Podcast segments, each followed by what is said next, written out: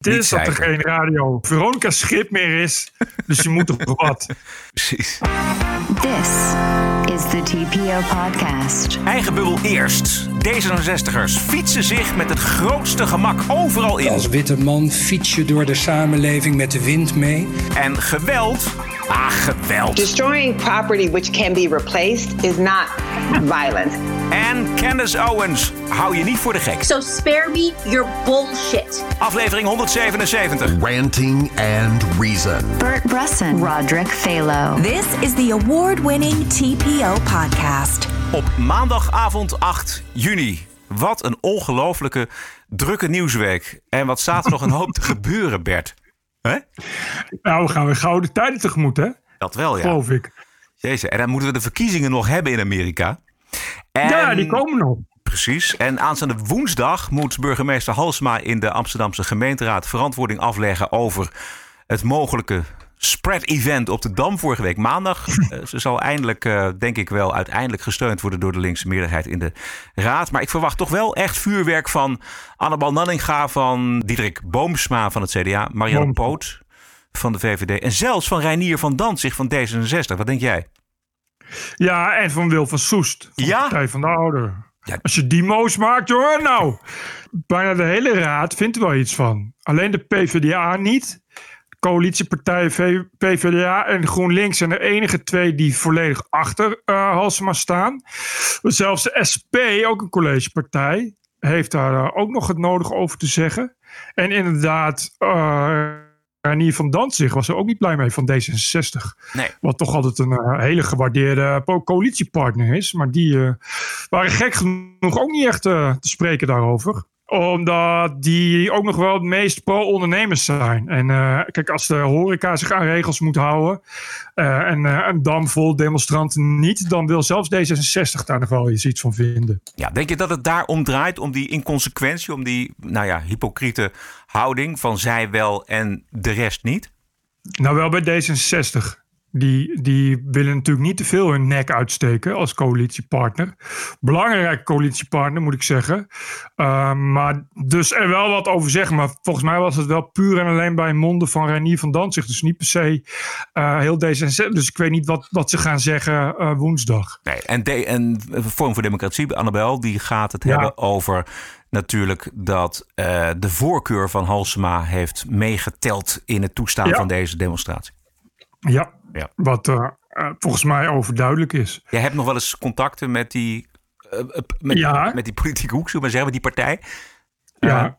Weet jij nog iets meer? Kan je al iets zeggen? Nee, be- behalve dan uh, dat de mensen geslepen zijn, zou ik, uh, zou ik uh, zeggen. Ja. Maar dat is wat te zien aan wat Annabel twittert. Maar duidelijk is dat wat Annabel betreft een FVD Halsma moet aftreden. Dus dat is sowieso een motie van wantrouwen. Oké. Okay. Maar als het aan, als het aan FVD ligt. Ja. Uh, in de rest is het moeilijk. Is, want uh, CDA, Diederik Boomsma, ja, ja, die, die is ook, niet, uh, ook geen GroenLinks-fan en Halsma-fan. Maar die is alweer een stuk genuanceerder. Dus dan zit je al snel... Ja, dat is het probleem. Poot is nog wel, ging er nog wel vrij hard in de laatste keer. Met een gestrekte maar, poot? Met de gestrekte poot erin. Maar uh, FVD en VVD staan toch altijd wel snel alleen. En meestal is het sowieso uh, dat FVD alleen staat. Uh, VVD in Amsterdam wil nog wel eens erg links uit de hoek komen. Ja. De burgemeester is al flink aangepakt in de media, maar ook in bescherming genomen. De Volkskrant schreef dat Halsema onder een vergrootglas ja. ligt. Ik citeer even. Haar voorganger, van der Laan mocht rustig in het publieke domein een sigaretje opsteken zonder dat hij ervan werd beticht de volksgezondheid in gevaar te brengen. Alles bij Halsema ligt onder een vergrootglas. Dus dat was de vergelijking. Wat een fantastische vergelijking. ja, een sigaretje opsteken en vergelijken met een spread-event van hier tot Tokio.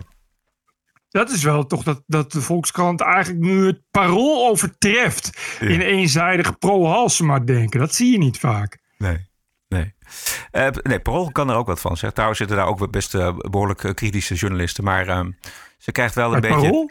Ja, zeker wel. Ja, ja ook op de, de, oh. de politieke afdeling. Ja. Maar ze krijgt wel een oh, beetje ik dacht alleen de wind in de rug van Parool.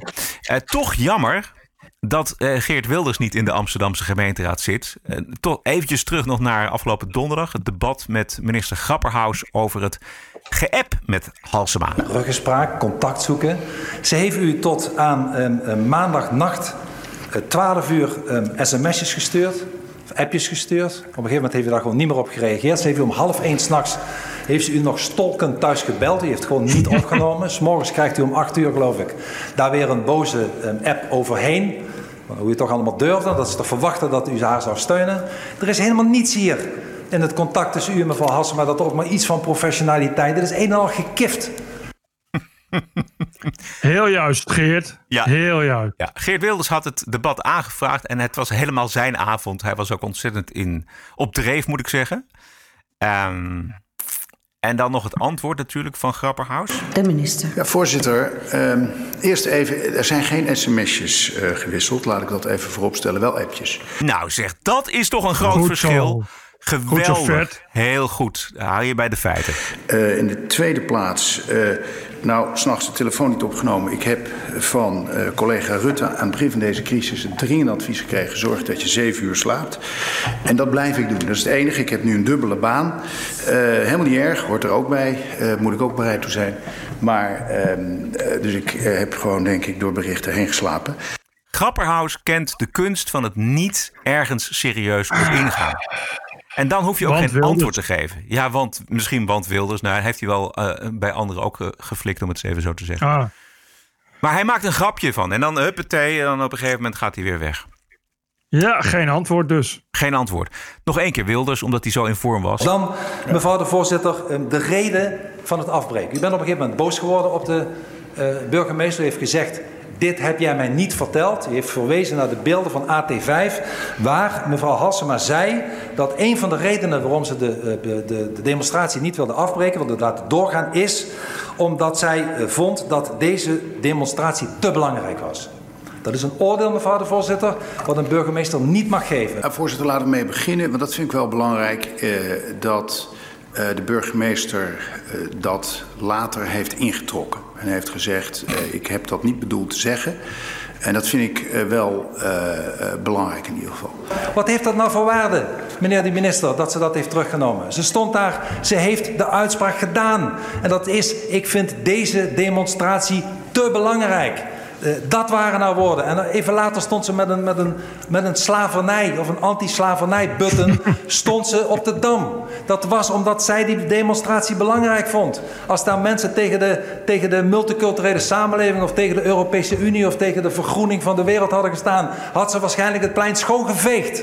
Dat heeft ze niet gedaan, want ze vond het te belangrijk. En dan is uw enige reactie van, nou, ik ben blij, en terwijl de premier knikt als een slaaf. Ik ben blij dat, wij, dat zij dat heeft teruggenomen. Dat is toch nee, u zegt tegen een crimineel die een bank heeft overvallen toch ook niet, nou, ze hebben het spijt betuigd. Er is niks aan de hand. Ja, ik vond het een goede vergelijking, maar Grapperhaus maakt daar dan weer van. Rent. Ja, hartstikke goede rent. Grapperhaus maakt dan van die vergelijking, nou dat hij dat app-verkeer tussen hem en Halsema toch niet wil vergelijken met een bankoverval. Weet je, dus dan maakt hij er weer een grapje van. Huppatee, weg, ontkracht. Ik denk dat Wilders dat ook wel weet. Ik weet dat iedereen dat wel weet. Uh, Baudet heeft daar in het begin van zijn carrière in de Tweede Kamer nog wel eens een opmerking over gemaakt. Namelijk, het, er wordt nooit echt serieus gedebatteerd in de Tweede Kamer. Nee, exact. Dat is een beetje het probleem van, uh, van deze dit hele kabinet. Dat je als oppositie vrijwel kansloos bent. Want je kan vragen stellen wat je wil en debatten aanvragen wat je wil, maar er komt toch geen antwoord. En er wordt toch uh, verscholen achter grappen en ontduikingen. Of gewoon domweg liegen en niet meer weten. Maar er komt gewoon de hele tijd niks. En dan wordt er maar een beetje wordt het dan zo afgehouden. Hm. Nou ja, wat moet je dan nog als oppositie? Dan kun je, je kan, als oppositie kun je niks behalve kritische vragen stellen en kritiek uit. Ja. Bert, om die anderhalve meter afstand nog beter te handhaven op de dam, wordt de noodverordening een wet. RTL Nieuws had de primeur. Tot nu toe werden de coronaregels vastgelegd in zogenoemde noodverordeningen. Maar die zijn helemaal niet bedoeld voor langere tijd. Mag je grondrechten van burgers zo lang beperken op basis van een noodverordening? Om aan alle verwarring een eind te maken, is de afgelopen weken koortsachtig gewerkt door het kabinet aan de spoedwet. Ja, je moet bepaalde maatregelen die nu gelden, die moeten op enig moment wel een, een eh, laat ik zeggen, hele brede basis krijgen. Ja, dat is hem weer. Vert Grapperhaus. Ja. Een brede basis. een brede basis in een spoedwet. Ja. Dus je, je, je hebt iets waar je geen basis voor hebt. Ja. En dan denk je dat je met een spoedwet, dat je daar wel een basis voor hebt. Ik durf te wedden dat er heel wat rechters en hoogleraar staatsrecht zijn die hier graag gehakt van maken. Ja, ik denk het ook. Ik hoop het ook. Ik denk namelijk dat deze wet wel door de Tweede Kamer komt. Hè, want de, de, het Precies. kabinet moet in, in het zadel blijven eh, zitten. Dus, eh, maar het komt volgens mij toch echt niet door die Eerste Kamer. Omdat de senatoren daar dit soort bedenksels, inderdaad, wat jij zegt, aan de grondwet toetsen. En daar komt hij niet langs volgens mij. Lijkt mij tenminste. Ze snijden zich hiermee wel echt in de vingers. Maar ik heb wel eigenlijk, eh, wat me opvalt, is dat alle landen, in Europa in elk geval, hebben echt, zitten nu met precies hetzelfde probleem. Hier in Spanje is het precies zo. Vertel. Ja, dat is, eh, eh, nou, dit, dit, dit wat ze hier doen, eh, de lockdown en, en, en het uitreden van de lockdown, valt allemaal nog officieel onder de noodtoestand. Want anders kan de premier, heeft dan dus te weinig macht om dat, om dat zomaar zonder eh, verder eh, eh, debat en zomaar zonder verdere wetgeving uit te rekken. Dus nu komt hij elke keer, na elke twee weken, wil, vraagt hij een verlenging aan van de noodtoestand. En hij heeft vrijwel de hele oppositie tegen hem. En het probleem is dat hij in zijn eentje regeert op een, minder, op een, op een minderheidsbasis met extreem links. Dus vrijwel iedereen heeft hij tegen zich. En dat is hetzelfde probleem. Op het moment dat hij die noodtoestand niet meer heeft, ja, vallen alle wettelijke basis weg. En, en dat, ik zie dat terugkeren in elk land. Die, die lockdown wordt natuurlijk elke dag dat je dat langer doorvoert, een steeds groter probleem wettelijk gezien. Maar lukt het dan om daar dus een, een, niet een noodwet, maar om dat een echte wet van te maken? Dat gaat dus niet zo snel. Dan krijg je dus een spoedwet. Maar bij spoedwetten krijg je dus dat eh, de Eerste Kamer daar net zo hard spoed op zet. En als je dat in Spanje, Spanje doet, gaat dat dan weer niet lukken, omdat je dan een heel parlement tegen je hebt. Ja. Eh, en het is toch maar de vraag of zijn gedoogpartner eh, eh, daar wel op zit te wachten. Want die zijn namelijk van extreem links en die zitten er ook niet zo op te wachten. En dat is eh, eh, vandaag bijvoorbeeld ook, las ik in NSC, bij de verpleegtehuizen. Waar onze bejaarden in het goed georganiseerde Nederland nog steeds netjes elke dag opgesloten zitten. Om nog elke dag netjes van corona in te ademen in een niet geventileerd verpleegtehuis. En dan mag er heel misschien af en toe één keer per week tien minuten iemand op bezoek komen. Toch niet een manier om met bejaarden om te gaan, zou je zeggen. En er is helemaal geen wettelijke basis voor. Sterker nog, er is helemaal niets over afgesproken. En verpleeghuizen doen dat gewoon, omdat ze verder geen idee hebben wat ze doen. Nu was er in NC Handelsblad ook een jurist die zei: Ik weet zeker dat dit A niet kan en B, dat het gewoon, dit is gewoon een schending van mensenrechten. Je kan mensen niet zomaar onbeperkt opsluiten. Dus dat is als je opa en oma nu ligt weg te rotten in een van de verpleegtehuis. En je mag er niet bij en het wil maar niet beter worden. Ze mogen maar niet naar buiten. Hier is je kans om er wat tegen te doen. Je hoort er niet echt veel mensen over. De Orde van Advocaten heeft daar wel iets over gezegd. Het wetsvoorstel, zij Ja. zeggen, het wetsvoorstel maakt het mogelijk vergaande beperkingen van de grondrechten en vrijheden voor een onbepaalde periode normaal te maken. Dergelijke ingrijpende beperkingen van bewegings- en vergadervrijheden zijn niet normaal en behoren dan ook niet normaal te zijn in een democratische samenleving. Dus het kabinet Juist.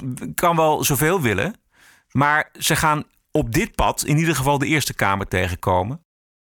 Het regent aangiftes rond de rapper met de naam Aquasi.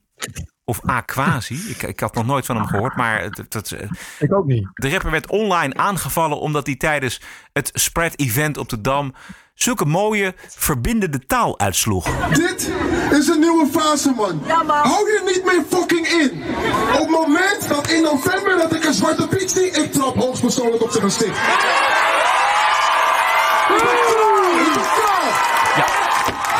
Is er bij de politie aangifte gedaan tegen deze man wegens het verspreiden van haat en aanzetten tot geweld. Ja. En hij heeft dat zelf ook al gedaan. Ik vind het eerlijk gezegd uh, een beetje gejammer van, uh, van de mensen die hier aangifte tegen doen.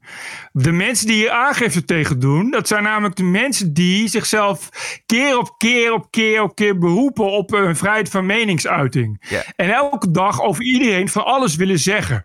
Nu komt er iemand die is een rapper, dus die heeft van het zeggen van dingen, uh, van het gebruik van taal, van, van, van het gebruik van poëzie, heeft hij zijn werk gedaan. En die zegt nu iets om uitdrukking te geven aan zijn gevoelens. En wat zegt hij? Ik ga Zwarte Piet op zijn gezicht trappen. Nou, nou, poepoe. Ja, als je, Bert, als je van plan bent om Zwarte Piet te spelen, ergens in het land, dan kan dit behoorlijk bedreigend overkomen. Ja, ik zeg Ja, niet dat je aangifte moet doen. Het is, het is een rapper. Weet je, wat verwacht je dan dat hij zegt? Eh, dat je, wat, wat denk je dan? Dat hij om de toon denkt? Eh, en eh, en weet je, ja, op D66 taal niet al te kwetsend is. Als ik hem was, zou ik het ook zou ik het waarschijnlijk erger hebben gezegd. Laten we het zo zeggen. Ik bedoel, ik vind het allemaal niet zo heel schokkend, toch? En hij heeft ook daarna in dat, in dat verschrikkelijke programma van Margriet van der Linden op de staatsomroep heeft hij het nog een keer uitgelegd. Dat hij inderdaad zei, Ja. Jude, iedereen die me kent weet dat ik, dat ik, dat ik, dat ik eh, eh, een lief hondje ben. Ik ben helemaal geen gewelddadig. En ten tweede, hij zei ook van ja, maar ik bedoel het natuurlijk in overdrachtelijke zin. Want het is niet, je hebt niet iemand die is Zwarte Piet. Zwarte Piet bestaat niet. Dat is precies het hele punt waar het bij, dit, bij deze lui om gaat. Dat Zwarte Piet niet bestaat.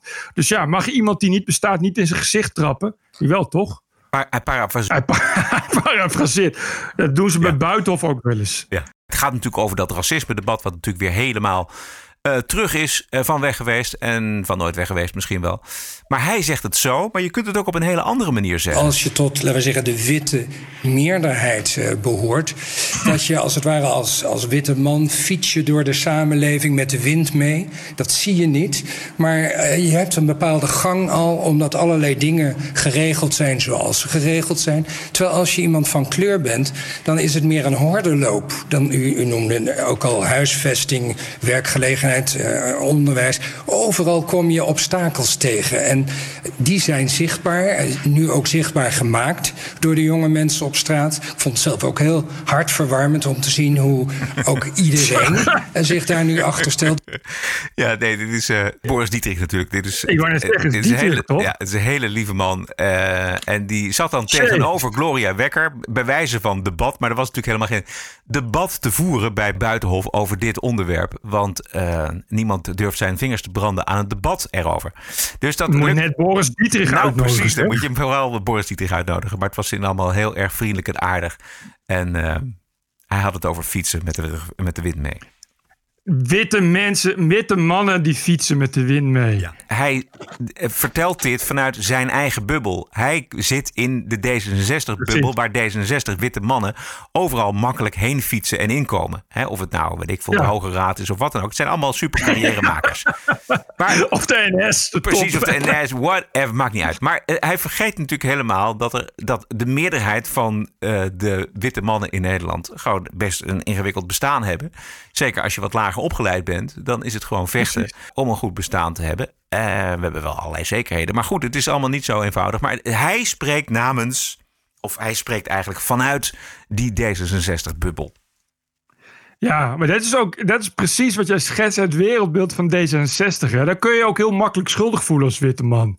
Omdat je verder, je hebt toch niet echt iets om zorgen over te maken. Dus ja, wat let je dan om inderdaad te zeggen dat je eigenlijk, eigenlijk onbewust een racist bent, diep van binnen. Ja. Terwijl die witte mannen waar het over gaat, dat zijn meestal witte mannen die inderdaad over, gewoon keihard moeten werken. En niet per se heel hoog zijn opgeleid.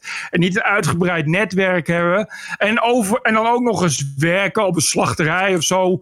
Gewoon met zwarte, met zwarte, met zwarte collega's, weet je wel. Dat zijn, die mensen hebben helemaal geen, ook geen mogelijkheid überhaupt om met racisme bezig te zijn. Dat ze een miljoen andere dingen te doen hebben. Precies, of ze, of ze staan al twaalf jaar op een wachtlijst voor een huurwoning of iets dergelijks. Ja, dit is typisch inderdaad. De, de, de carrière blanke D66, die heeft nog eens een keer nog de luxe om eens even uitgebreid te gaan denken over, over, over zijn eigen racisme. Ja. Dus ja, dat kan dan als je tijd en geld genoeg over hebt. Dan kan dat. Als je inderdaad in een fijne witte bubbel leeft. Waar alles veilig is. En je hoeft alleen maar. Nou ja, alleen maar. eh, het erge wat je kan overkomen is een beetje tegenwind tijdens het bakfietsen. Ja, dan heb je inderdaad genoeg tijd om eens even te denken. Wat ben ik toch een gemene, onderdrukkende, onbewuste racist. Ja, Ik ga eens even op de site van RTL Nieuws kijken of er een leuke cursus racisme staat. Die bestaat er vast.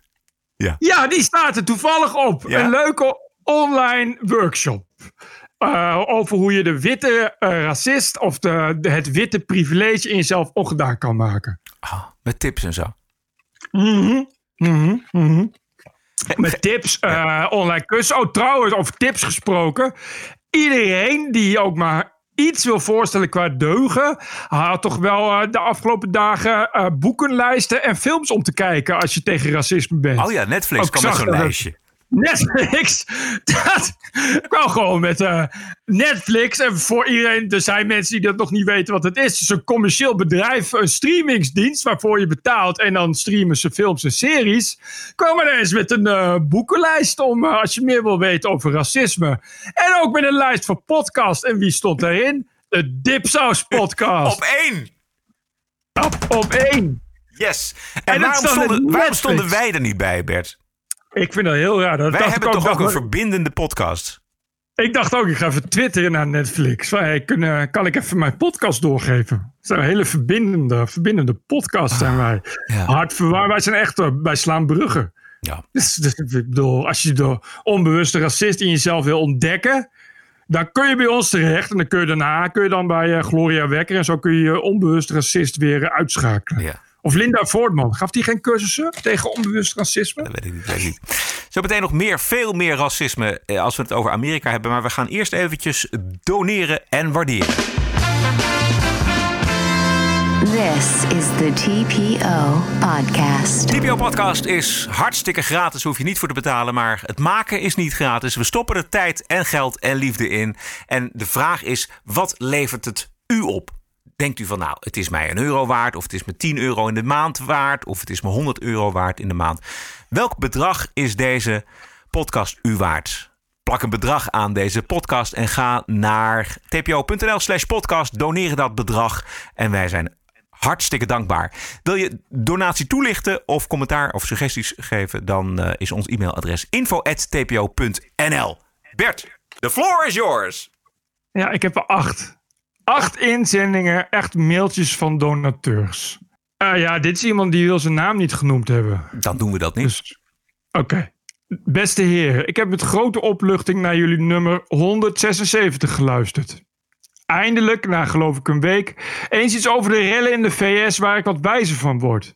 Dat is precies wat ik van het programma verwacht. Journalistiek, uitroepteken. Het gedeug in kranten, op radio en tv is voorspelbaar en voegt niets toe. Ik zit ook niet te wachten op scheldpartijen. Niet schelden of vloeken in het geval van Halsema is natuurlijk altijd moeilijk. Des te meer waardeer ik jullie vlijmscherpe ontleding van het gebrekkige optreden van deze vrouw. Echt een goede editie, dus ik heb 20 euro overgenaakt. Mijn naam hoeft niet genoemd te worden, maar mijn complimenten zijn er niet minder om. Vriendelijke groet. Hartelijk dank. De anonieme, de anonieme donateur. Ja, het is van Willem-Jan Straver. Eh, hij heeft al tien jaar geleden las hij voor het eerst stukken van, van Bert Brussel online. Eh, hij is ouder en hij heeft nu wekelijk iets om naar uit te kijken. En dat is onze podcast. En vorig jaar ging al zijn geld naar een appartement wat hij toen had gekocht. En nu heeft hij dus eindelijk vakantiegeld. Dus heeft hij ons 60 euro gedoneerd. Dit hebben jullie wat mij betreft dik verdiend. Keep up the good work, Willem-Jan. PS, ik, ik was benieuwd of Bert vaker wordt vergeleken als een Nederlandse versie van Paul Joseph Watson. Of dat ik hier de enige in ben. Nou, ik begrijp de vergelijking. Uh, maar ik ben duidelijk geen Paul Joseph Watson. Want die maakt filmpjes. En die doet dat ook volgens mij honderd keer per dag. En ik niet. Maar ik ben wel, uh, net als Paul Joseph Watson, dat ik erg veel plezier heb in het afzeiken van millennials en uh, social justice warrior. Dus ik denk dat hij daar een beetje op doelt. Goedenavond, Roderick en Bert. Zojuist weer de laatste TPO-podcast beluisterd, aflevering 176. Uh, is inmiddels een vaste traditie op dinsdag. Mijn grote dank weer voor alle moeite en aandacht die, die jullie hier wekelijks insteken. Dit keer een extra lange editie, wat zeker geen straf was om te beluisteren. Weer een wekelijkse portie evaluatie en overdenkingen bij het nieuws. Juist ook weer een kleine donatie overgemaakt, omdat ik de top TPO-podcast altijd een warm hart toedraag. En ik luister al sinds het prille begin. Even kijken, uh, wat een lijst. Nou, dit was een heel verhaal. Dus ik laat het hier nu voor even bij. Ik kijk weer uit naar de volgende episode van de podcast. Tot de volgende keer on air. Met vriendelijke groet, Arvid Bakker. Dankjewel, Arvid. Bedankt voor de donatie, Arvid. Je mag mijn naam noemen, het hoeft niet. Gerke Vissen, we gaan je naam noemen. Heren, de eerste dag van de maand, dat betekent een e-mailtje van Patreon dat ik geld naar jullie heb overgemaakt. Automatische overschrijvingen geven mij meestal geen overdosis aan levensenergie, maar bij deze verschijnt er een haast onmerkbaar glimlachje om mijn mond. En vraagt mijn vrouw later op de dag: Je hebt goed geslapen, hè? Ik volg jullie vanaf het begin en kan alleen maar zeggen dat ik hoop dat jullie nog vele jaren doorgaan. Het is vermakelijk, informatief en nodig. Je mag mijn naam noemen en het hoeft niet. Vriendelijke groeten, Gerke Visser. Gerke, komt uit Friesland waarschijnlijk, dank je. Dat denk ik ook. Ik dacht, dit is een meisjesnaam. Dit is natuurlijk een jongensnaam. dat zal wel een Fries zijn. Oh, Thijs Klerks. Thijs Klerks. Dag jongens, net wat euro's gedoneerd. Ik ben altijd erg blij als er weer een cast online staat. Daarom dacht ik dat 70 euro's zal helpen. Dat helpt zeker, uh, Thijs. Ik ben net ontslagen van mijn baan door corona. Ik baal als een stekker, want er is mij een opleiding en dan wel cursus beloofd. Oh. Nu zit ik dus zonder baan, maar gelukkig heb ik nog wel een dak boven mijn hoofd. Maar nog steeds vind ik het nodig om te doneren. Hopelijk helpt het jullie en ik kan altijd nog naar jullie luisteren. Groeten uit Dongen van Thijs Klerks. Dankjewel, Geen probleem als jullie deze mail voorlezen in de cast. Oké, Thijs, Ja, su- super bedankt. Maar als jij een, een lastige tijd tegemoet gaat, dan eh, voel je niet verplicht om te doneren. Laten we het even zo zeggen. En je hebt je geld hard Nee. nodig, dan moet je, dan moet je dat eh, vooral eh eh, binnenshuis houden. Maar hartelijk dank voor je donatie. Ik hoop dat je dan snel weer een baan vindt ook. Paul Schone, beste Roderick en Bert. Ik ben Patreon voor 11,07 euro per maand. Idioot bedrag, maar toen ik inschrijf was betaling met creditcard nog in dollars. Oh ja, dat zijn de euro's. Ik luister de podcast meestal in de auto en geniet erg van het heerlijke geluid. De Amerikaanse analyses en rants vind ik ijzersterk en zeer goed voorbereid. Daar is geen van de MSM in Nederland toe in staat. Wel jammer dat jullie Erik Mouta niet echt hebben aangepakt tot nu toe. Dat, gaat, dat, doet hij, dat doet hij zelf ook wel. Ja, dat, ho- dat hoeven wij niet te doen. Deze activist is op Twitter echt een disaster. En hij heeft sowieso maar één doel in het leven: Trump bashen. Dat lijkt mij inderdaad een aardige omschrijving. Bert had recent een stukje over hem op TPO, maar dat werd snel weer verwijderd. Dat is niet zo. Ik, ik heb geen eh, stukken verwijderd over Erik Mouta. Nee. Nee, ik weet niet. Ik weet, dat hebben mensen vaker, maar dan staat hij gewoon. Dan zakt hij gewoon in het archief Ja, en dan precies, kunnen ze ja. niet meer. Ja, ja. Ik kan je zo vertellen dat er niks is verwijderd, want ik verwijder echt zelden een artikel. Ehm, de dynamiek van de rants van Bert en de reason van Roderick is mooi. De rants van Bert jegens zijn eigen TPO-lezers vind ik wel eens wat over de top. Maar ik begrijp het ook wel en ik kan het hebben. In tegenstelling tot veel andere luisteraars vind ik, mening, vind ik een meningsverschil tussen jullie beiden ongemakkelijk. Maakt dat ik me als luisteraar te veel voel of zo. Een soort failleur. Ah. Maar dat is persoonlijk en het komt ook zelden voor. Geluidskwaliteit in jingles zijn echt top. Professioneel, herkenbaar voor de luisteraar. Tips. Af en toe een special met een TPO-gast. Dat zou goed kunnen in de toekomst. Eh, een YouTube-kanaal. Dat hebben we. Roderick in de kleine studiobed op een scherm. Ja, daar zijn we ook mee bezig.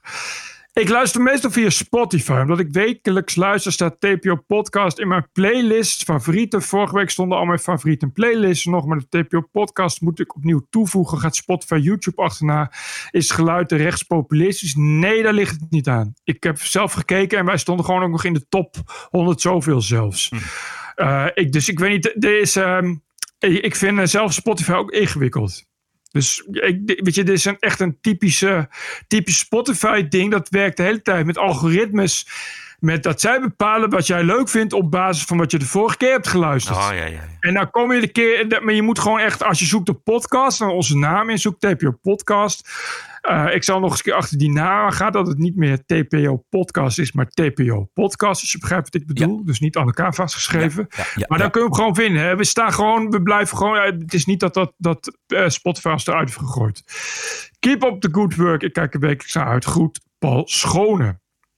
Bedankt, Paul. Super bedankt, Paul. Martijn van de Scheur uit Deventer.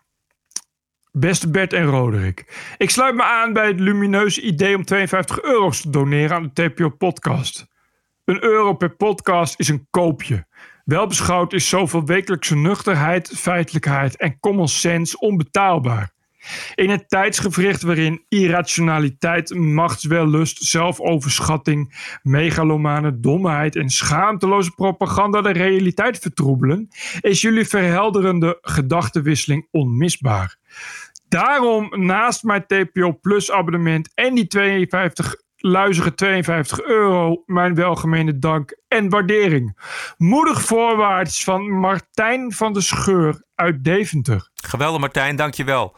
Leuk dat je die geste oppakt van 52 euro per jaar. Tot slot heb ik nog een anoniem. Ja. Die uit bij mijn naam niet noemen. Zojuist heb ik weer een half jaar abonnement verlengd van 26 euro.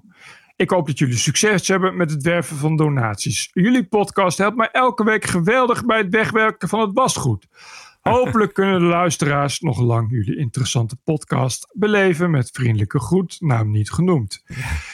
Dankjewel en geen dank. Wilt u ook ondersteuner worden van de TPO-podcast? Dat kan met ideeën of suggesties. Ga naar info.tpo.nl om te mailen. En een financiële ondersteuning stellen wij op hoge prijs. Waarderen en doneren kan op tpo.nl slash podcast. This is us. This is our country. This is CNN Breaking News. I believe that the president is literally an existential threat. Stop the hammering out there. Who's got a hammer? Make America great again. New York Times and CNN have also smeared veterans like myself. This video was taken during a heated exchange with an unidentified man who called Cuomo Fredo. Stop the hammering! This is the TPO podcast. News 630 WMAL, Washington.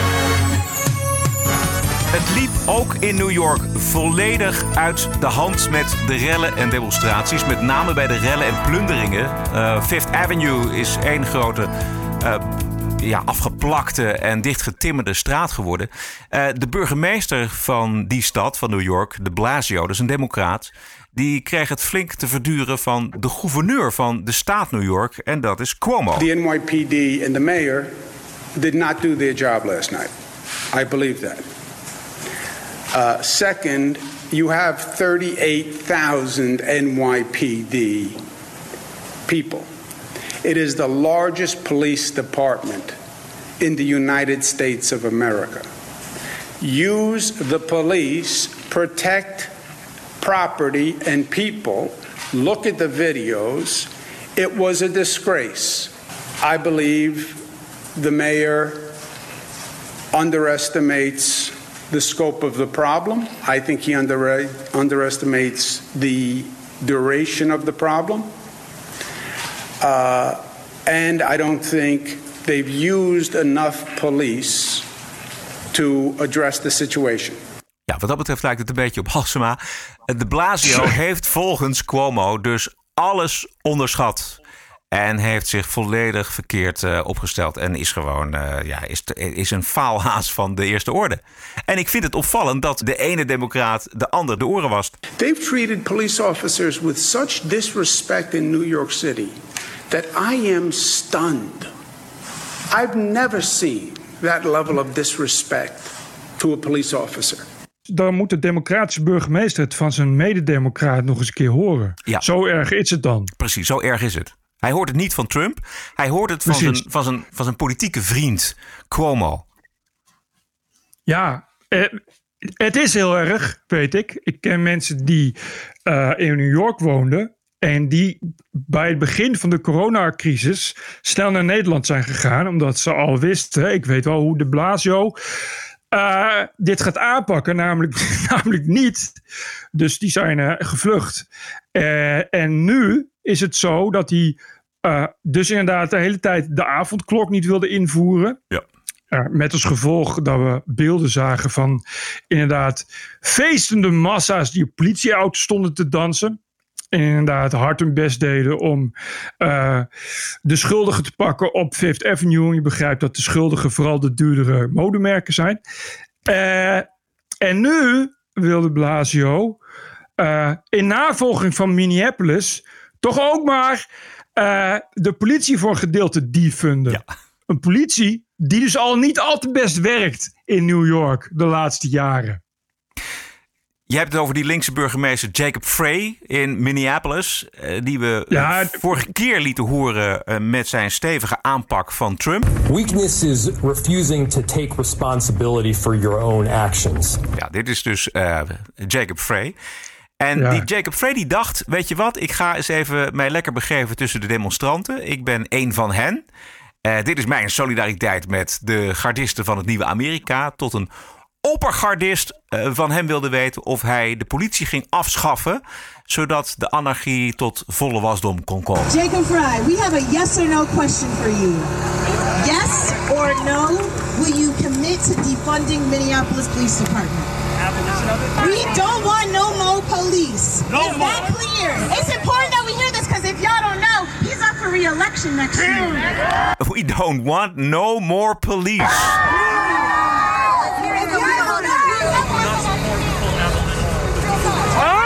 Ja, je kunt het niet goed horen, maar hij zegt dat ga ik niet aan beginnen. En dan vervolgens wordt hij dus weggejouwd. En moet hij weg. En wordt hij, de bur dit is de burgemeester van Minneapolis. Die wordt uitgejouwd. Shame, shame, shame. The Cultural Revolution was above all an attempt to change people's minds, to wash them clean of old thinking and the behavior that went with it. Former landlords and capitalists, with the words bourgeois element inked on their shirts, were forced to undergo re education by militant youths.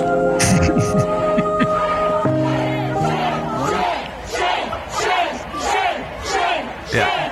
ja, dit is een beetje de culturele revolutie in uh, China. Nou en of. Dit, dit, is, dit is dus inderdaad hoe het gaat. Waar we ook al uh, vaak over hebben gehad. En ook al heel veel voor hebben gewaarschuwd. Dit is uh, het, het marxisme in de praktijk. Namelijk het vernietigen van machtsstructuren. Ja. En het begint bij de politie. En dit is nu serieus. Want een meerderheid van de gemeenteraad van Minneapolis wil dus niet alleen de politie defunden, maar helemaal disbanden. Dus ze willen de politie daar helemaal gaan afschaffen. In Minneapolis. Minneapolis uh, heeft een gemeenteraad die voor de overgrote meerderheid bestaat uit democraten en onafhankelijke groenen. Dat is dus hetzelfde als de gemeenteraad van Amsterdam. Je verwacht het niet. namelijk D66'ers en GroenLinks'ers. Ik zag vanmiddag een foto van de gemeenteraad van Minneapolis. En het was net alsof je naar een foto van de hoofdredactie van de Volkskrant keek. Blanke mannen en één zwarte mevrouw. Deze mensen willen nu de politie afschaffen. Ja. I kid you not. Ja. Uh, ik hoorde een interviewfragment op bij de NPR, de uh, Amerikaanse publieke radio. Uh, waarin de voorzitter van de gemeenteraad, de president op de City Council, uh, werd geïnterviewd. En de vraag voor, voor de voeten kreeg geworpen. of ze ook al enig idee hebben. hoe ze de afgeschafte politie gaan vervangen en waarmee. Nou, en je raadt het nooit. Ze hebben geen flauw idee. maar ze gaan hun oor te luisteren leggen bij de burger burgers. Want die mogen meepraten. En ze gaan onderzoek doen, ook op basis van historische archieven. En er komen consultants die daar ook uh, over mogen meebeslissen. Maar ze gaan er vooral heel veel over denken. En ze gaan vooral heel veel uh, praten met de burgers, want die mogen natuurlijk allemaal gehoord worden. Oftewel, er komen stuurgroepen en klankbordgroepen ja. en commissiegroepen en evaluatiecommissies. En al die tijd is er dan geen politie. je begrijpt natuurlijk wat al die brave blanke burgers gaan doen. die in keurige, eh, keurige blanke suburbs woonden. of gewoon gated communities. Die gaan zichzelf Als- bewapenen. Juist! Toevallig in Minneapolis is het een van de steden waar heel veel legale vuurwapens worden verkocht. En waar je zonder al te veel moeite of al te veel background checks makkelijk een revolver of een pistool kan kopen. Ja. Je begrijpt, dit wordt één groot fiasco en één groot feest. Want de misdaad speelt natuurlijk vooral in de zwarte, in de zwarte wijken.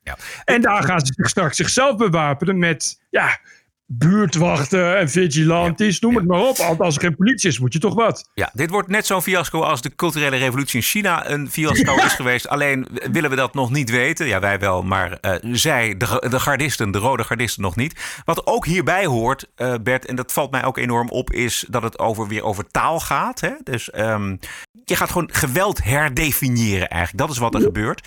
En dat gebeurt vaak in tijden van revolutie en, en oorlog. Taal is een machtig wapen. En dit is een journalist, een verslaggever van de New York Magazine. Ida of Ida Wells. we need to be really careful with our language.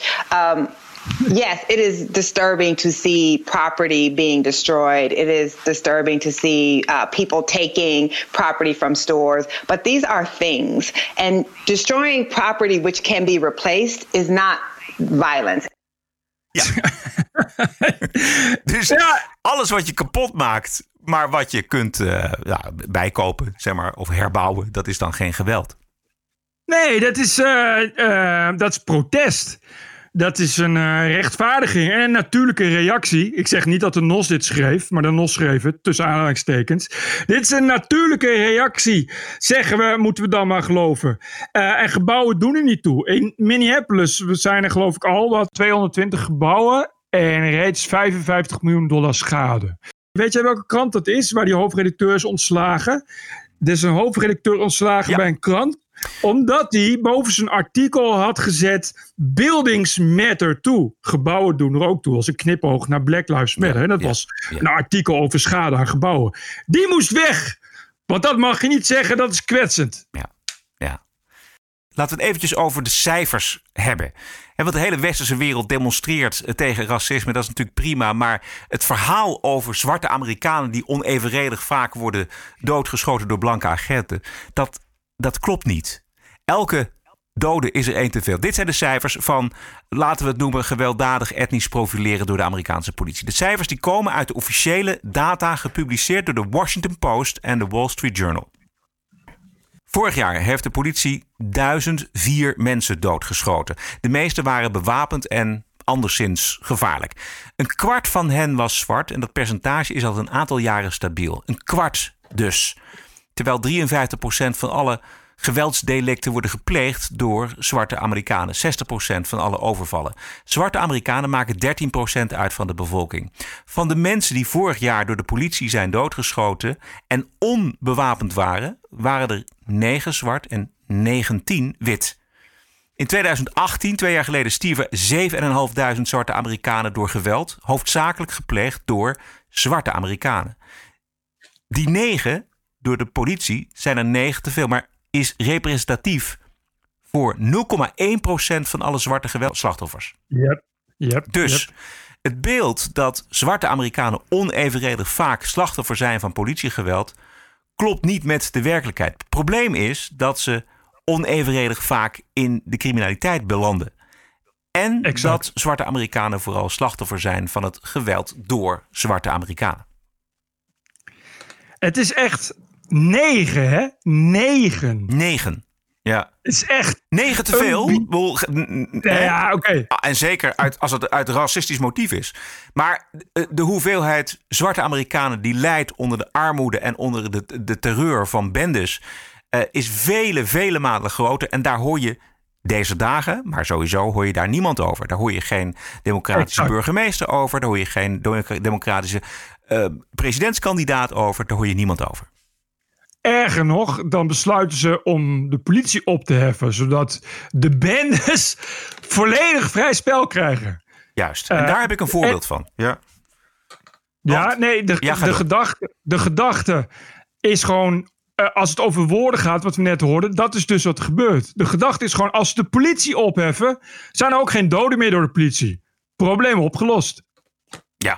Ja. Ja. Dat, dat, is hoe, dat is hoe het gaat. Als je geen misdaad meer kan registreren, is er ook geen misdaad meer. Dat, is- dat is hoe het gaat. Maar zo gaat het in Nederland toch ook. Daar zeggen gewoon elk jaar, oh, de misdaad daalt. Want mensen hebben het niet gemeld. En dan schrijven we dat gewoon op de voorpagina van onze krant. Ja, Amsterdam. We registreren, etniciteit wordt niet geregistreerd. Dus geen probleem met, eh, met eh, etnische misdaad. Dat is, hoe, dat is hoe ze nu dus denken in Minneapolis. Als ze nou de politie afschaffen, zijn we ook van dat probleem af. Dan gaat het stukken beter met de zwarte bevolking. Dat begrijp je. In één klap. En niet alleen in, in Minneapolis. Eh, Volgens mij zijn dit soort gedachten in heel Amerika, ook in New York, daar hebben ze het ook over defunding the police. Yep. Ja, Ehm, alhoewel, daar moet je eh, wel even een nuance. Dat, defunding, dat is wel een probleempje. Het probleem is namelijk dat er heel veel geld gaat naar de politie. Wat voor een gedeelte ook dus wordt gebruikt aan totaal zinloze dingen. Dus inderdaad, eh, een soort, ehm, soort paramilitarisering van de politie. Dus nog meer tanks, nog meer, nog meer traaggas, eh, nog meer.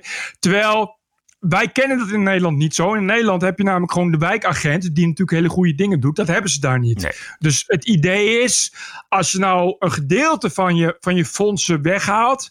en dat nou eens steekt, inderdaad, in sociaal werkers.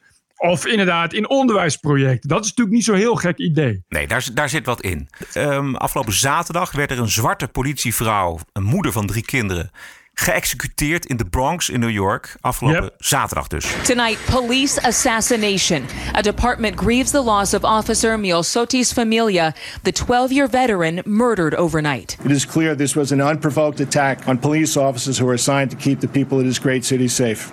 Around 12:30 a.m., Familia and her partner were inside a mobile crime unit placed in this Bronx neighborhood to monitor gang activity. Moments later, police say 34-year-old Alexander Bonds walks up, firing through the window at point-blank range, hitting Familia in the head.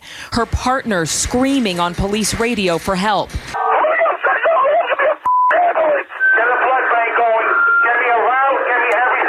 Responding officers kill Bonds in a shootout a block away. One bystander's wounded. Familia, a single mother of three, had worked as a nurse and for the Red Cross. Bonds recently went off in a vulgar anti police rant on Facebook Live. And somebody got to take take one for the team. His rap sheet includes assault on an officer with brass knuckles in 2001. The tragedy just days from the anniversary of the sniper killing of five police officers in Dallas. And just 10 days later, three officers shot to death after being hunted by a lone gunman in Baton Rouge.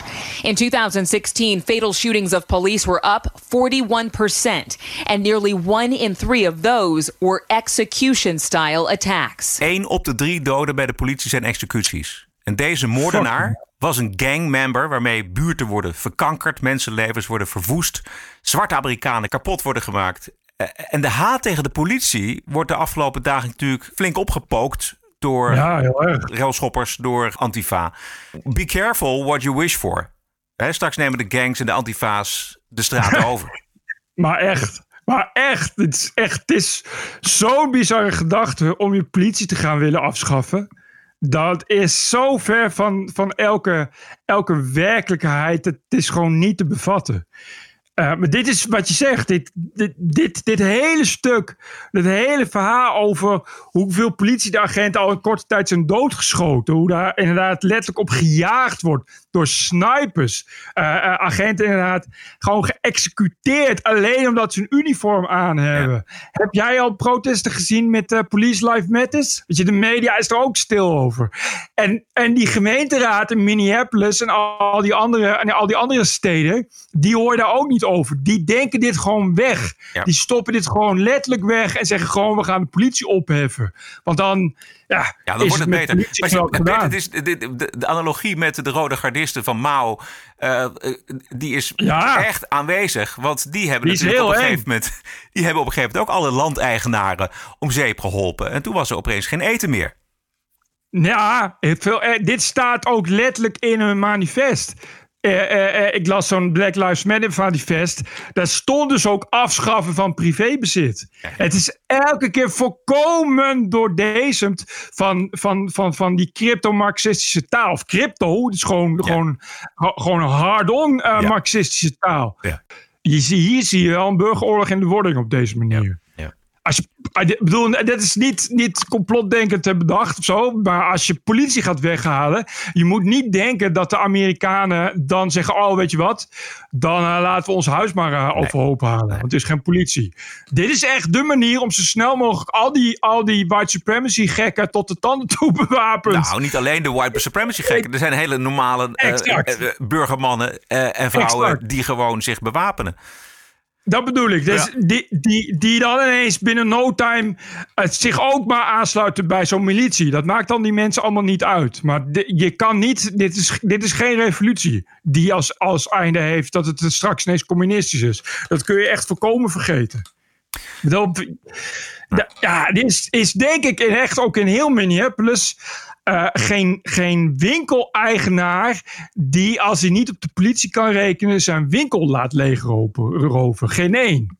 Nou, dat, je, hebben ze, dat da- hebben ze nu gedaan, maar dat laten ze zich niet een tweede keer gebeuren, denk ik. Ja, ja, nu dachten ze dat de politie zou komen. Maar Als je weet dat die toch niet komt, dan houdt dat heel snel op. Dan is er maar één ding wat je kan doen en dat is jezelf bewapenen. Dat is natuurlijk doodeng. Eh, en ik denk ook dat op deze manier het toch wel weer eh, eh, running wordt voor Trump. De- op deze manier dwing je mensen een keuze te maken op dan maar Trump. En dan gaan mensen voor de veiligheid toch kiezen, weet je? Dan is het Ja, toch. precies. Ja, en de vraag is of, of Trump die veiligheid kan bieden. Ik, ik, ik heb daar zelf de twijfels over, maar goed. En Joe Biden doet het in ieder geval niet. En dan kiezen mensen misschien toch eerder voor wat ze hebben dan wat ze krijgen. Ja, als het erop aankomt, dan krijg je dus dat, dat, dat Trump gaat hier garen bij spinnen. Ja. Dat weet je nu al. Ja. Dus die gaat straks roepen, oké, maar dan ga ik daar alsnog het leger heen sturen en dat soort dingen. Wat dan allemaal weer niet mag en niet kan. Maar ja, dan krijg je, dat is de manier waarop mensen dus alweer Trump gaan stemmen natuurlijk. Bert, ik heb twee quotes van Candace Owens. Eh, dit is een Yes. supertalent, commentator met haar eigen online platform. Eh Candace is zwart. Haar commentaar op de demonstratie en de plunderingen van de afgelopen week eh, kreeg in 48 uur 100 miljoen views in de hele wereld. Haar Ver- 100 miljoen? Ja, ja. Dat, dat schreef de Daily Wire. Tering. Ik ga er even vanuit dat het, dat het klopt. Ja, Haar, dat klopt wel. haar rant gaat over Zwart Amerika. Volgens haar ehm, wat Zwart Amerika zichzelf aandoet. En dat zijn twee zaken. Eén, het uitmoorden van elkaar in dagelijkse schietpartijen overal in Amerika. En twee, de mensen met de slechtste reputatie als voorbeeld stellen voor de zwarte gemeenschap. Oftewel, niet de succesvolle zwarte Amerikanen zoals Condoleezza Rice of, of Colin Powell, maar mensen als George Floyd zijn de helden, de martelaren en de grote voorbeelden binnen de grote delen van de zwarte gemeenschap. And I want to paint this picture because this is what makes me feel disgusted in Black America. Um, because we are so willing uh, to let Black victims who are victims of Black crime, um, you know, eh, we- we have no defense for them. Black on Black crime, we don't care about. Uh, imagine you are a pregnant woman, because this is what happened in this scenario. You are a pregnant woman and you receive a knock at your door. And it is a person that says they work for the water department. So you waddle your pregnant butt to the door and you open it, only to realize the person standing at your door does not work for the water department. You very quickly try to slam the door closed, at which point a Ford um, with five other black men uh, uh, pulls up into the front yard, and five men jump out of the car, one of which is George, George, is George Floyd, and he jams his way into your home. Now, you are pregnant, and at this point, George Floyd takes a gun and points it to your stomach, threatening you. You are screaming and you are crying for your life. Um, and you don't know if you're going to make it out of this situation alive. At this point, George Floyd puts you into your living room and instructs his friend who is with him to watch you, his armed friend, to make sure that you don't move from the living room as they ransack your home looking for drugs and money, of which they find neither, but they take your cell phone um, and some other personal objects of yours. Fortunately, um, on their way out, uh, a neighbor catches the plates of the car that pulls away um, and uh, gives it to 911. And 911 is able to track down George Floyd um, and arrest him. And two years later, in 2009, he is sentenced to five years in prison. This is a black woman that this happened to, a black pregnant woman that this happened to. This black pregnant woman, wherever she is in the world, is now watching as the entire world uh, puts the name of this person who did that to her uh, and says justice for him and paints him out to be Martin Luther King, um, uh, who just had a dream and wanted more for black America. Ja, dit is ook Floyd. En yes. een lange reeks cocaïnedelicten daarna. Ook tijdens zijn arrestatie was hij onder Yes. invloed en betaalde hij met eh, vals geld. Owens noemt hem een beroepscrimineel. Eh, geen eh, reden om hem zo smerig aan te pakken door de politie. Maar dit is de held die demonstranten, celebrities en de media van Floyd maken. Precies. Precies. Dit is waar het om gaat. Dit is, dit is het grote probleem. Eh, ja, het is, het is, dit is, maar ja, ook hier weer, eh, als je het over rode gardes hebt. Ik zag vanmiddag, ze hadden in Groot-Brittannië standbeelden omgegooid. En uiteindelijk ook het standbeeld van Winston Churchill ondergespoten met, met, met de racist. Oh ja. Want, want ja, Winston Churchill, racisme natuurlijk. Ja, de grootste Ja, precies. ter wereld. Je zou, je zou bijna denken, eh, de reden dat je überhaupt nu in staat bent om dit op een standbeeld te spuiten, is, Is heb je te Winston maken aan Churchill. Winston Churchill. Maar goed. Ja. En iemand anders die liet toen zien van ja, eh, wat, wat, eh, wa- wat Che Guevara allemaal voor racistische uitspraken op zijn naam heeft staan. En dat is natuurlijk, dat was ook gewoon een racist. Die heeft de meest verschrikkelijke dingen gezegd. Ik ben een tijdje ook fan geweest van Che Guevara. En ik heb al zijn boeken gelezen. En een van die boeken is zijn, gaat over de Congo, waar hij eh, ook probeert een revolutie Ah, ja. eh, te- voor elkaar te krijgen. En dan verzamelt hij zich, nou ja, om zich heen natuurlijk een aantal van die eh, mensen uit Congo die meevechten, maar die hebben niet de mentaliteit die hij verwacht. En die kunnen ook helemaal niet door zo'n. Nou ja, door zo'n loop kijken Ja. om, om goed te richten, weet je wel. En dus dat, nou, dat vindt hij dan allemaal vreselijk. En dan, ja, dan, dan heeft hij geen hoge pet op, laat ik het netjes zeggen, van de Afrikaanse bevolking. Ik heb hier het citaat voor me. Oké, vertel. The Negro is indolent and lazy and spends his money on frivolities, whereas the European is forward looking, organized and intelligent.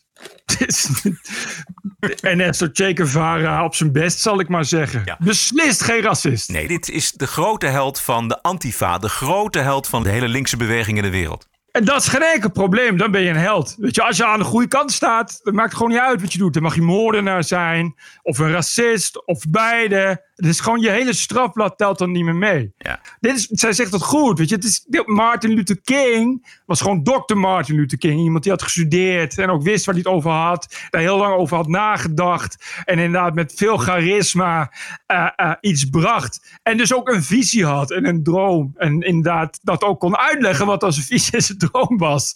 Terwijl hier heb je dus inderdaad over een beroepscrimineel. Die, die een zwangere vrouw voor het leven heeft getraumatiseerd. En dat moet dan je voorbeeld zijn voor Zwart-Amerika. Volgens Candace Owens is het een vals verhaal dat zwarte Amerikanen een grotere kans hebben doodgeschoten te worden door de politie.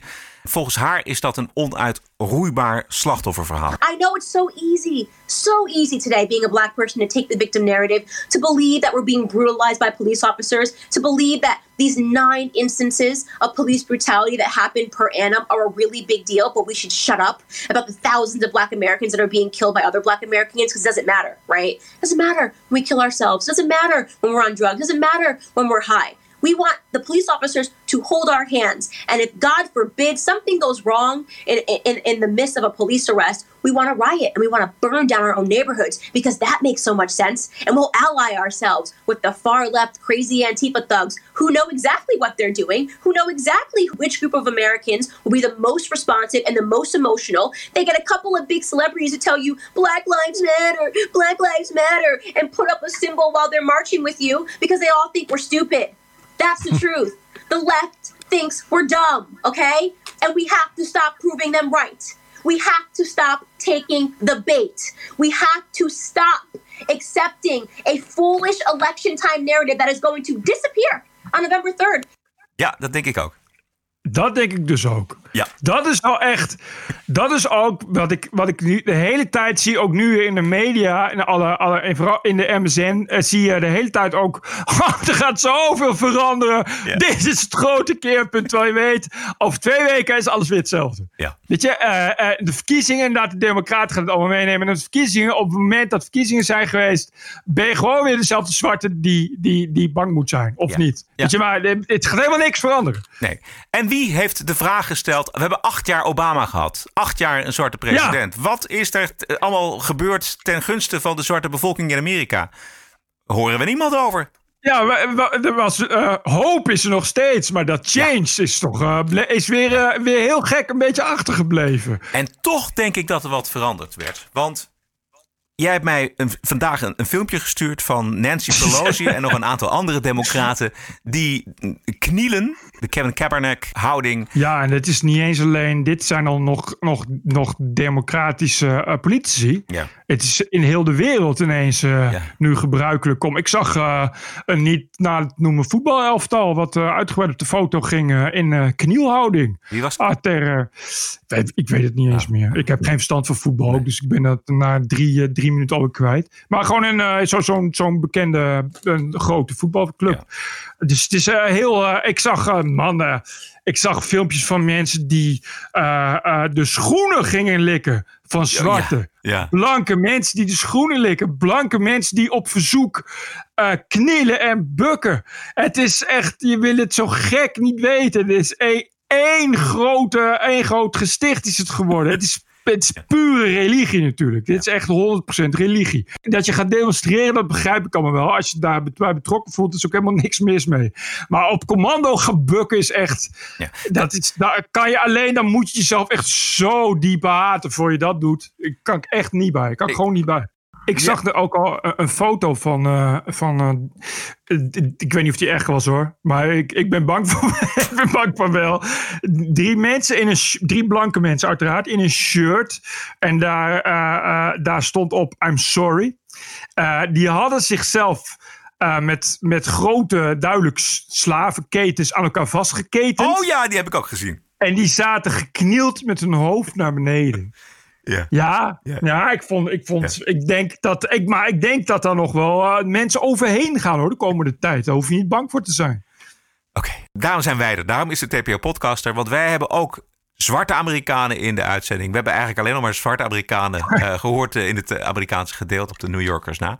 Maar dit is een eh, komisch duo, een tweeling. Ze heten de Hutch Twins. Hey, look here.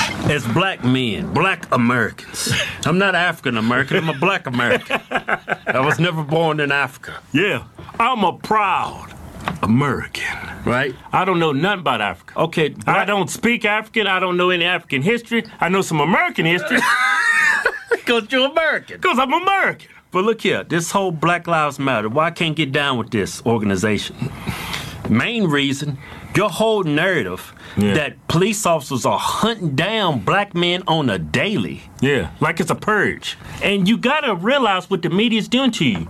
That Black Lives Matter organization is just to keep black folks upset because the Democrats want you to vote for the Democrats. Yeah, that's the whole point of this organization is keep black people pissed off. Yeah. So they can keep you enslaved mentally like you need them. Yeah. Because they're supposed to be y'all saviors.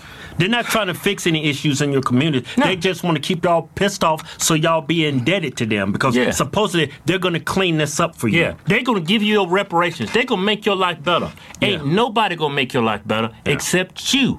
It's about pushing this agenda on black people's minds, keeping them enslaved. That's Yeah. the whole point of this. This is not to help black people. It's to keep you pissed off. Look how pissed you are. And look, white people, you hold up these black lives matter signs, you need to wake up. No, well, we've been talking to some white people. It's like, man, I, I put it up because, man, I... Yeah, because you think it ma- it makes you feel good. You're just throwing gas to the flames. a white person walking up the street with a damn Black Lives Matter sign. You got to be smoking crack cocaine. Look here. They do it because they feel guilty of what they You don't do things because it makes you feel good. No. You do the you do things because it's the right thing to do. Yeah. And you pushing that that fake, that lie to black folks. Look, a majority of black people killed in this country. It's not by white police officers. It's by blacks. Ja, er is niks lekkerder Right. dan het, dat deze hele farce wordt doorgeprikt door zwarte Amerikanen. En die kunnen dat heel goed. Ja, die zijn er genoeg Ja, overigens. die zijn er echt genoeg. Dat is ook zo'n mediaframe, hè? Dat, dat nu echt alle, alle zwarten in Amerika gaan, eh, gaan aan democraten stemmen, want ze willen allemaal verandering. En ze zijn ook allemaal bang. Ze zijn allemaal bang. Weet je, dat, dat zeggen de media. Maar ze vragen het niet aan die zwarten zelf. Ze zeggen dat alvast voor de zwarten. Dat ze allemaal bang zijn voor de politie. Wat natuurlijk echt totaal... Nee. Ik, ik, ja, je had het net al over, over eh, eh, eh, de, Kennis Owens, over die cijfers. En je, je gaf net ook al wat feiten. Maar dat is echt de hele tijd hoe het gaat. Hè? Hoe, de, hoe, hoe die feiten daar... Ah, er wordt gewoon letterlijk aan voorbij gegaan.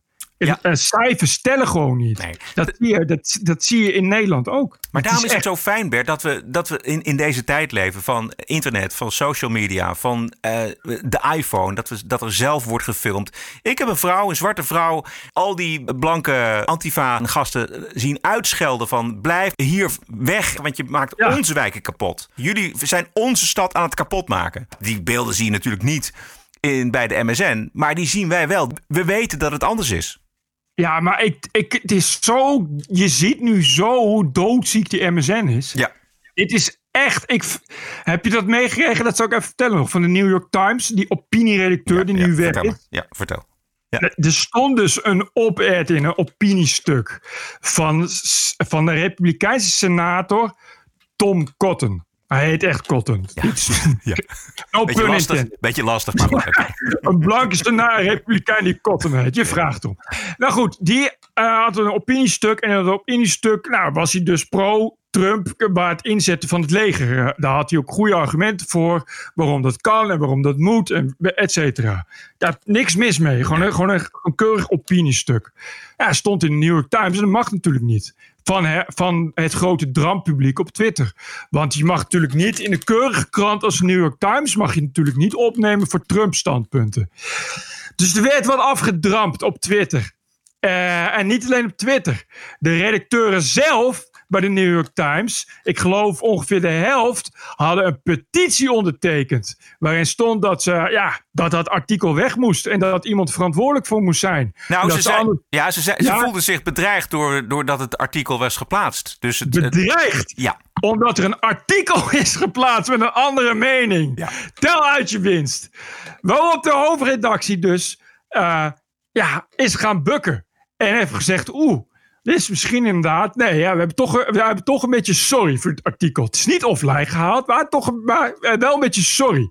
Eh, ja, we hebben nog eens naar gekeken. En nee, dat had eigenlijk niet zo gepubliceerd mogen worden. Vandaag kwam de uitgever van de New York Times zelf met vertellen dat de hoofdredacteur, meneer Bennett, die verantwoordelijk is voor, eh, voor die opinieredactie, Ja, precies. is, is opgestapt. En die heeft ook sorry gezegd via een Zoom-meeting met alle medewerkers van de New York Times. Heeft hij gezegd dat het niet zo gepubliceerd had mogen worden. En dat het niet voldoet aan onze zo keurige maatstaf. En je, het is ongelooflijk, Ja, maar waar. En wat je daar dan van moet geloven is een tweede. Want dit was nou juist een eh, editor, eh, chief editor.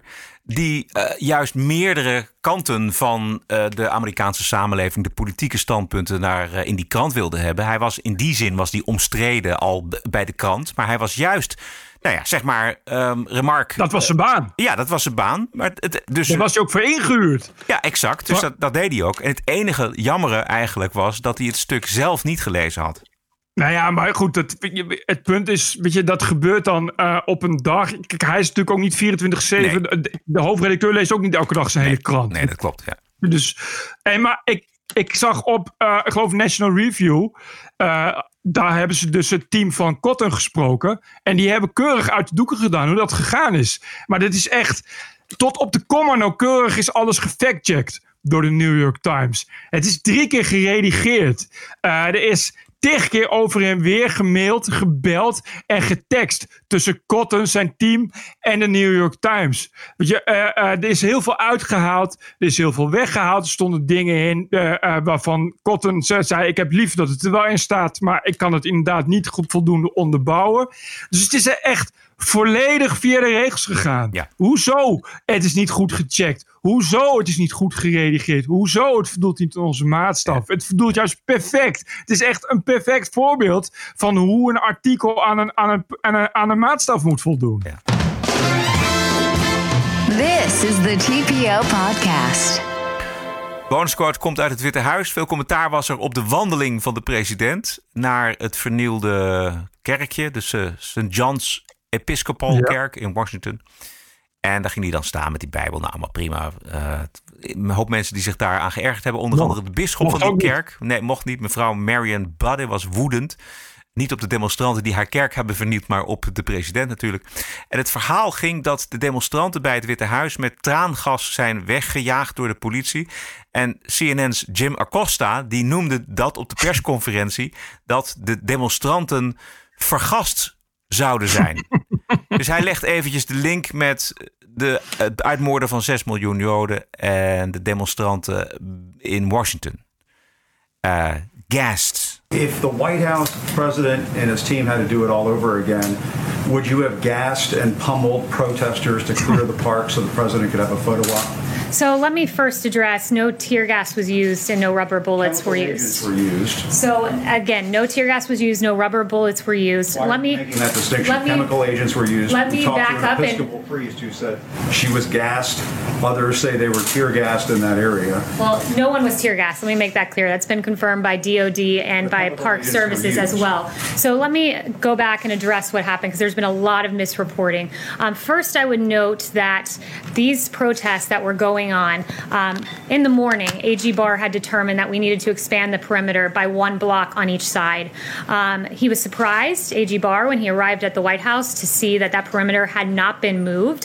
Um, so he said that we needed to get going with moving that perimeter. He told the officers that out there. Uh, that was late afternoon. So that decision was made in the morning, first of all.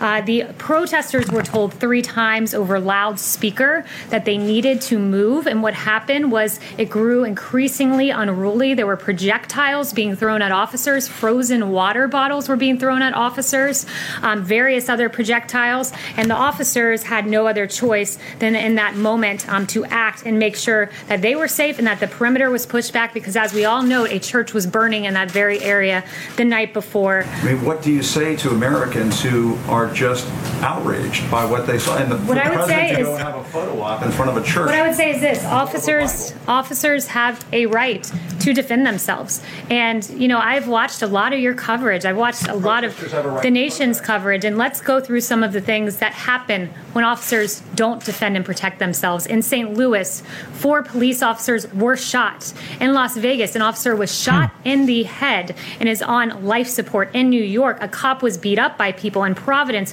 four to five police officers and state shoot, state troopers were injured. And in Ashbury Park, New Jersey, a police officer was injured. Police officers are out on the front lines. They're defending and protecting you as you come into this building each and every day, hmm. Jim. We owe them honor, we owe them respect, and when they are under attack, they have the ability to defend themselves. Wat? Zo, Jim. Pak aan. Eigenlijk moeten we iedere week eh, wel een quoteje van deze Kylie, eh, deze nieuwe eh, Witte Huiswoordvoerder, eh, in de show hebben. Wat Hij is ook weer goed, hè? Ja, zij is fantastisch. Ik had nog meer fragmenten van CNN, maar ik, ik kan het zelf geloof ik niet aan, omdat het alleen, het gaat- het zijn alleen maar preachers aan het worden. Ik heb het een paar weken geleden ook al gezegd, maar die nieuwslezers die komen niet meer met nieuws, die komen niet meer met feiten, maar die, die storten hun hart uit over wat zij vinden van Trump. Het is vreselijk. Dag in, dag uit. Ongelooflijk. Don Lemon die heeft geroepen toen bij die, bij die kerk in, in Washington dat eh, de staatsgreep was begonnen. Ja, ik- het is inderdaad, het is gewoon echt niet te hard. Nee, het dat is niet te hard. Dat is wat je zegt. Het is echt verschrikkelijk. Tot zover aflevering 177. Wij bedanken iedereen die deze week gedoneerd heeft aan de TPO-podcast. Dat kan anoniem, dat kan ook met naam en toenaam. In dat laatste geval laat het ons vooral weten in een berichtje. Ons adres is info.tpo.nl. Financiële ondersteuning kan op een aantal manieren. Kijk op tpo.nl slash podcast. En wij zijn terug dinsdag 16 juni. Heb een mooie week en tot dinsdag. Nice work, Jim. TPO Podcast. Bert Bruson, Roderick Balo, Ranting and Reason. Liquor store. gone. Pawn store down there, gone. AutoZone burned to the ground. This police station that is supposed to keep people safe can now no longer keep the community safe. Now the community no longer has any protection. And for what? It's not for justice. It's not for black lives.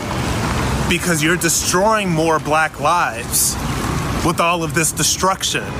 You want to make this about black lives? You want to talk about black lives? Think about all of the people who sacrificed their black lives to build up their dreams here.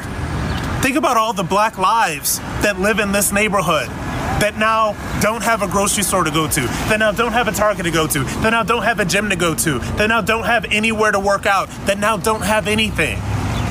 Think about those black lives the next time you go out destroying, the next time you go out looting, the next time you react in violence. Podcasting is the TPO podcast in the Netherlands. Bert and Roderick. What a show. I'm telling you.